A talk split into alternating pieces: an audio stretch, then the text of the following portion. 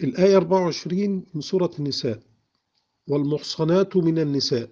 الكلام ده معطوف على ما قبله يعني حرم عليكم زواج المتزوجات من النساء. يعني لو واحدة متجوزة ما ينفعش إن أنا أتجوزها تاني إلا لو طلقت أو جوزها مات.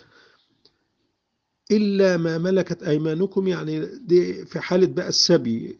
طبعا انتهى الوقت الموضوع ده ما فيش سبي. آه، فلا يجوز إن أنا أتزوج واحدة متجوزة. آه، كتاب الله كتاب الله عليكم يعني فرض من الله عليكم.